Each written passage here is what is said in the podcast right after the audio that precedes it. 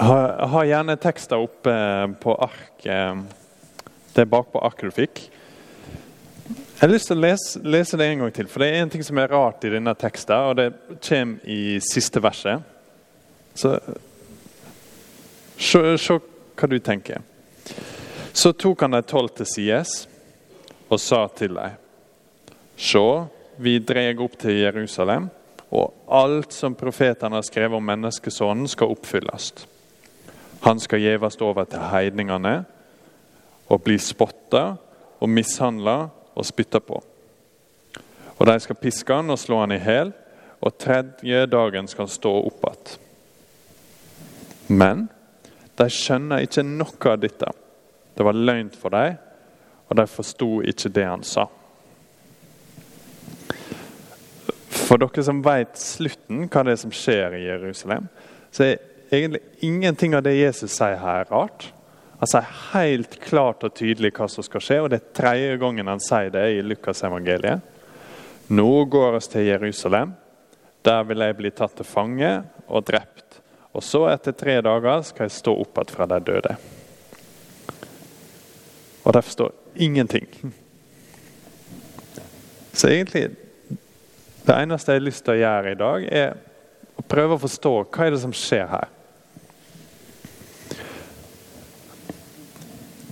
Det kan være nyttig å tenke på fortellingene til noen av de som har gjort størst påvirkning på kirka. Tenk på Martin Luther, f.eks. Han er en av de som virkelig har forstått hva evangeliet handler om, og han kjenner, kjenner Jesus nært. Men det starta ikke der for han. Han var også i samme båten som apostlene var her. At han var en samvittighetsfull og flink student og kar. Mm, men han forsto ikke hva det handla om. Så han hadde, han hadde, aldri god samvittighet. på en måte. Han var skikkelig, skikkelig plaga av samvittigheten sin og kunne bruke flere timer med en hva som heter Johan Staupitz på å gå gjennom syndene sine, bekjenne dem, sånn at han kunne få syndenes tilgivelse. Så gikk han ut døra, og så kom han inn at han kom på noe som han hadde glemt. Og holdt på å kave sånn helt til han Staupitz var dritlei og sa nå må du skjerpe deg, begynne å undervise teologi av alle ting. Sånn at han skulle få studere Bibelen og komme litt dypere inn i dette. Og så Seinere skjer det noe med Luther. At han ser tilbake på denne tida. Og ingen andre og han sjøl heller hadde tenkt at han ikke var en som forsto, og ikke var en kristen. Men seinere oppdager han til sin egen og andre sin overraskelse at det hadde vært skjult for meg. Jeg hadde ikke forstått hva greia var. Og nå ser jeg det plutselig.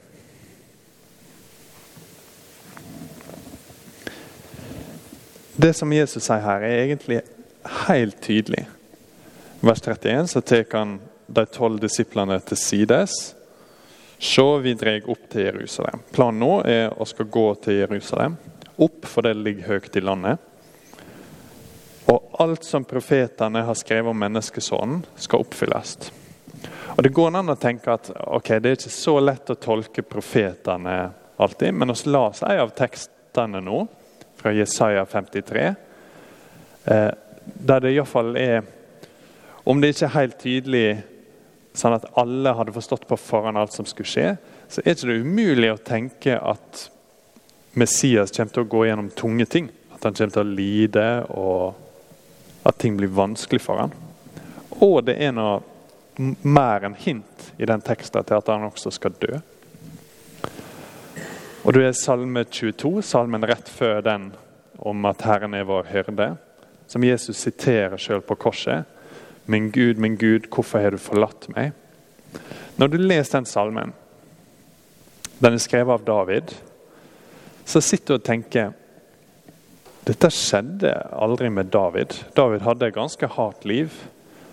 Men den salmen beskriver en henrettelse. Den går for langt egentlig til at det kan være noe som David bare har opplevd.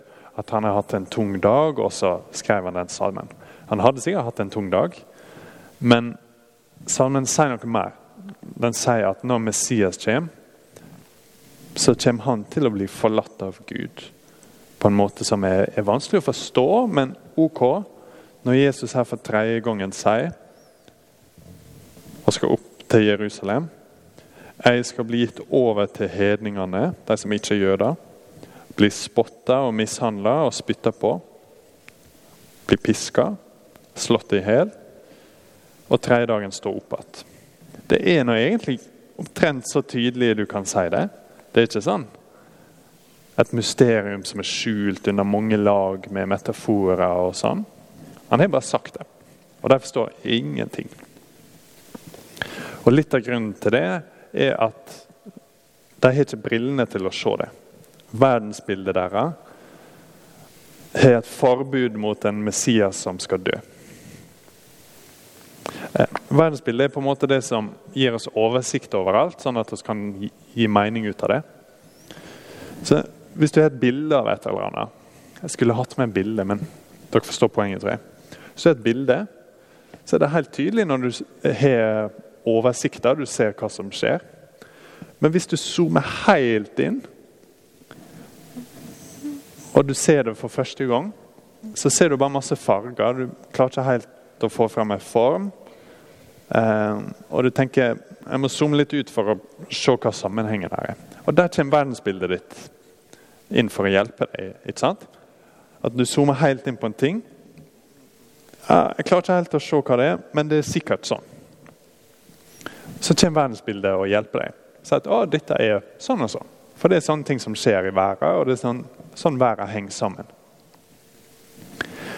Men når Jesus kommer til disiplene som forventer en seirende konge, en som skal buse inn og ta makta, og alt skal falle på plass. Når han sier enkelt og tydelig at nå skal jeg til Jerusalem, i Jerusalem skal jeg dø, og så etter tre dager så skal jeg stå opp Tenk hvor spennende dette blir, liksom. Så er det zooma for langt inn for dem. på en måte. De har ikke noe verdensbilde som kan forklare det. Og De er forutinntatt på at det er ikke sånn det fungerer, Jesus. Så nå sier du noe veldig djupt. Her er et nytt sånn mysterium. Hva betyr det egentlig å bli overgitt til hedningene? Hva vil det si å bli slått i hæl? Er det en metafor? Hva, hva, skjer her mystisk? Dette må jeg gå hjem og tenke på. Hva, hva vil det si å bli slått i hjel og stå opp fra de døde? Hmm. Vanskelig å forstå. liksom. Det er ikke vanskelig å forstå i det hele tatt. Og Her er det smarte, smarte disipler. Det er ikke en teit gjeng. Men jeg forstår ikke. Jesus sier at han skal dø og stå opp, og de har ikke peiling på hva, hva som skal skje. Og de er så overraska når det faktisk skjer. Jeg tror at ok, Det er lett for oss å se det med disiplene. At de så ikke det på forhånd. ok, Det kan være lett å se ting i etterpåklokskapen og sånn. Men jeg tror at dette er en realistisk fare for oss også. At dette er ikke bare noe som handler om at de ikke hørte godt etter, eller at de ikke fulgte med, eller at de ikke var smarte. eller sånne ting. Her er noe som faktisk er skjult for dem. Og Det står også i det siste verset at det var løgnt for dem. Og De forsto ikke det han sa. Og Senere så åpner Gud øynene deres, og så ser de det. Og Det er mulig å være dedikert i bibellesinga si, sånn som eh, Martin Luther var, og mange andre, og fortsatt ikke se det. Jeg holder på å lese en bok om en engelsk kar som heter George Whitfield, som levde på 1700-tallet. Og Du skal lete lenge etter en mer dedikert bibelleser. Her var en uh, ung kar som las Bibelen sin nøye på gresk. At Hvis du tenker at Gud er glad i deg bare fordi du er flink å lese Bibelen, så var den karen her masse flinkere. Han la seg kjempenøye. Han pugga, han tok ett vers og ba over det, og var skikkelig dedikert kar. Han besøkte masse folk i forferdelige fengsel for å hjelpe dem. Eh, og Hver kveld så skrev han en liten dagbok som vi fortsatt har, så skal kan se hva han gjorde på. Der han på en måte prøvde seg sjøl. Hvordan er det gått i dag? Jo, jeg har gjort sånn og sånn, og jeg har følt meg sånn og sånn. Men hele tida fokus på hva han har gjort for Gud, på en måte. Så til hans store overraskelse, og alle andre sin store overraskelse, så ser han plutselig, seinere, at etter dette så kobler han. Han ser nåden for første gang. og han blir kjent med Jesus på en måte han aldri har kjent ham før. Veldig mange av de bibelversene som han hadde lest og jobba med, plutselig så ser han dem i et helt annet lys, og de henger sammen på en helt annen måte. Så den siste personen at du hadde tenkt at han Han er sikkert en som ikke forstår. Det var ingen som tenkte det. Men plutselig så kommer han sjøl og sier at du vil ikke tro hva som er skjedd. Faktisk er jeg blitt kristen. At alle trodde jeg var det. Jeg trodde jeg var det sjøl. Men faktisk har jeg sett eh, hva det er Jesus virkelig snakker om. Nå ser jeg evangeliet, eh, og nå skal jeg leve det ut. Og det gjorde han på en veldig spennende måte. Jeg har ikke kommet så veldig langt i boka, jeg kom ca. dit. Men, men jeg tror, tror jeg skal lære noe av det, for det er lett å himle litt med, med øynene over disiplene. at Hvorfor kan ikke jeg bare forstå? plott i boka hadde vært litt enklere hvis Jesus bare kunne forklart det. på en måte. Å ja, ok, bare gå til Jerusalem du og fiks det, og så skal vi vente på det tredje dagen med blomster. Men det kan være sånn for oss også. Jeg tror det er veldig viktig å ikke tvile på frelsa si. Det er ikke det jeg snakker om i dag. At det går an å tenke å, jeg kan ikke være sikker på at jeg virkelig er en kristen. for for jeg er ikke god nok til å være sikker på det. Uten å fornærme dere, så vil jeg foreslå at vi kan tenke på det som falsk ydmykhet. For hele poenget er at vi er ikke gode nok sjøl. Så hvis det var sånn at vi måtte være gode nok til å holde på frelsa vår, så hadde vi mista den for lenge siden uansett. Så frelsa vår er ikke en ting som vi skal på en måte holde fast i. Det er Jesus som holder fast i oss. Så hvis du tror på Jesus, så skal du ha stor fremodighet. Da har han lovt deg evig liv med han. Og du skal ikke du skal ikke ha usunn sjøltesting der du ender opp med å bli veldig usikker. Altså.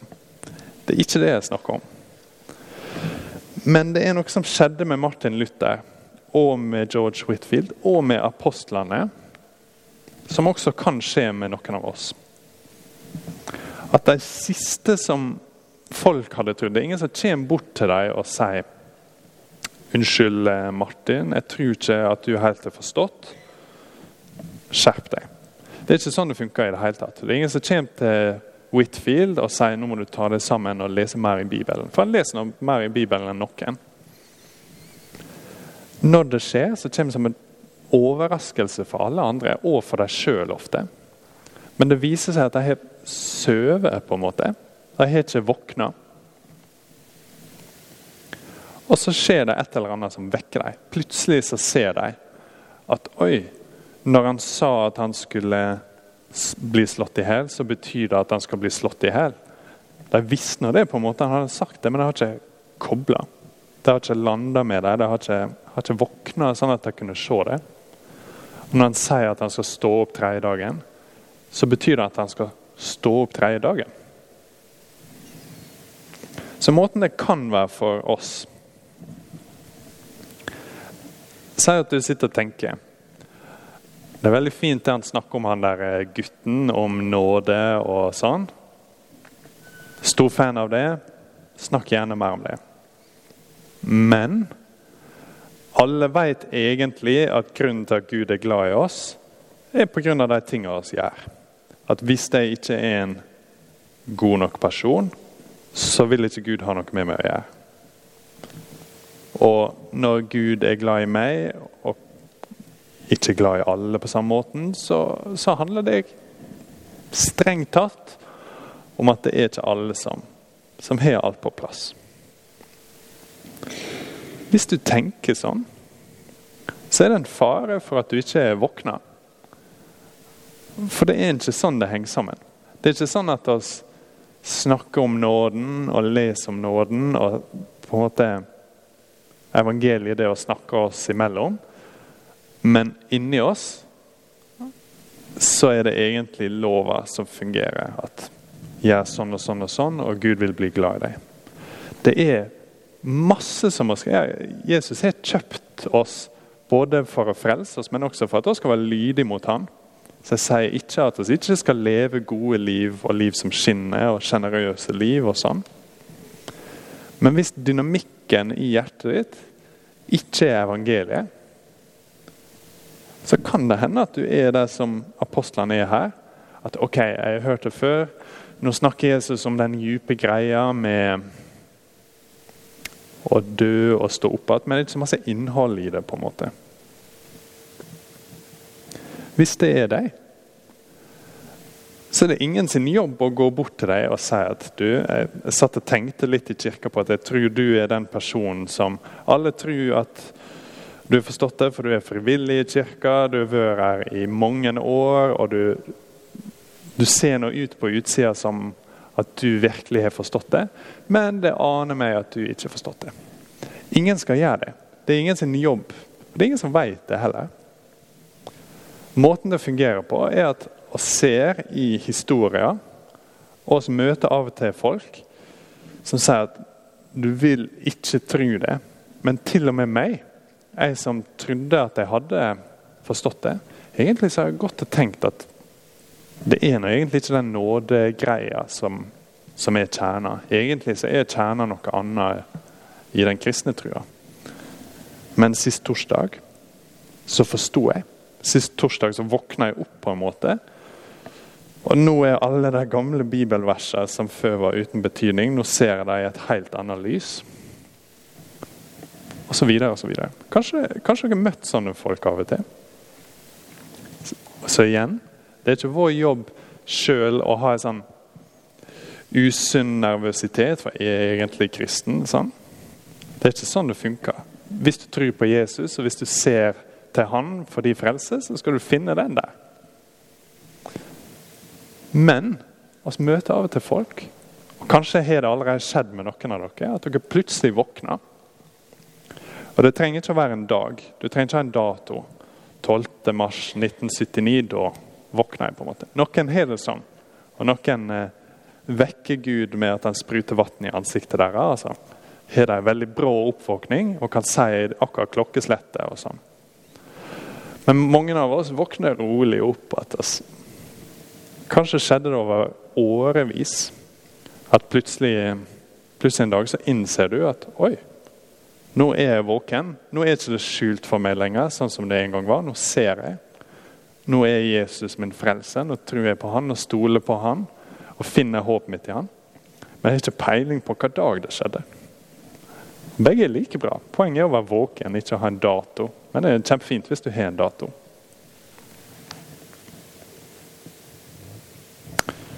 Så Jesus sier til dem, Se, vi dreg opp til Jerusalem, og alt som profetene har skrevet om menneskesønnen, skal oppfylles. Det som skjedde med disiplene når de våkna og forsto, det som skjedde med Martin Luther og med George Whitfield, er at de ble rågode på å hjelpe andre til å våkne. At på en mild måte så går disiplene ut og sier her er noe kjempeviktig. Noen av dere vet allerede, mange av dere vet det ikke. Jesus døde og sto opp igjen. Han sa det til oss på forhånd. Vi forsto ingenting, men nå forstår vi det. At han ble forlatt av Gud, sånn at vi aldri skal bli det. Våre synder lander på han, sånn at oss kan ha fred og få alle de tingene som han fortjener. Samme med Luther, samme med George Whitfield, samme med oss forhåpentligvis. At hvis du vet dette, hvis dette er ditt håp Ikke sitt med litt sånn vondt i magen og litt usikkerhet på er jeg egentlig god nok. og Er jeg virkelig en kristen? og sånn. Det er ikke nødvendigvis sunt. Men hvis du er våken, så snakk om det til andre folk. Prøv å vinne over den kleinheten det kan være av og til å be med andre folk. Del trua di. Og hvis du innser at jeg er faktisk ikke våken. Dette er ikke noe som jeg ser og som jeg forstår. Så er det mulig å våkne opp. At Jesus gir oss en tydelig invitasjon her til å bli med han til Jerusalem. Se hva det er som skjer der, og tro på han. Så hvis du sover, så er det på tide å våkne opp. La oss be. Far, oss takker deg for at Jesus gikk til Jerusalem, at han tok på seg vår synd der og ga oss frelse i ham. Far, oss ber om at vi skal våkne opp og se det, og at hvis vi allerede er våkne, at vi skal leve det ut. Det ber oss i Jesu navn. Amen.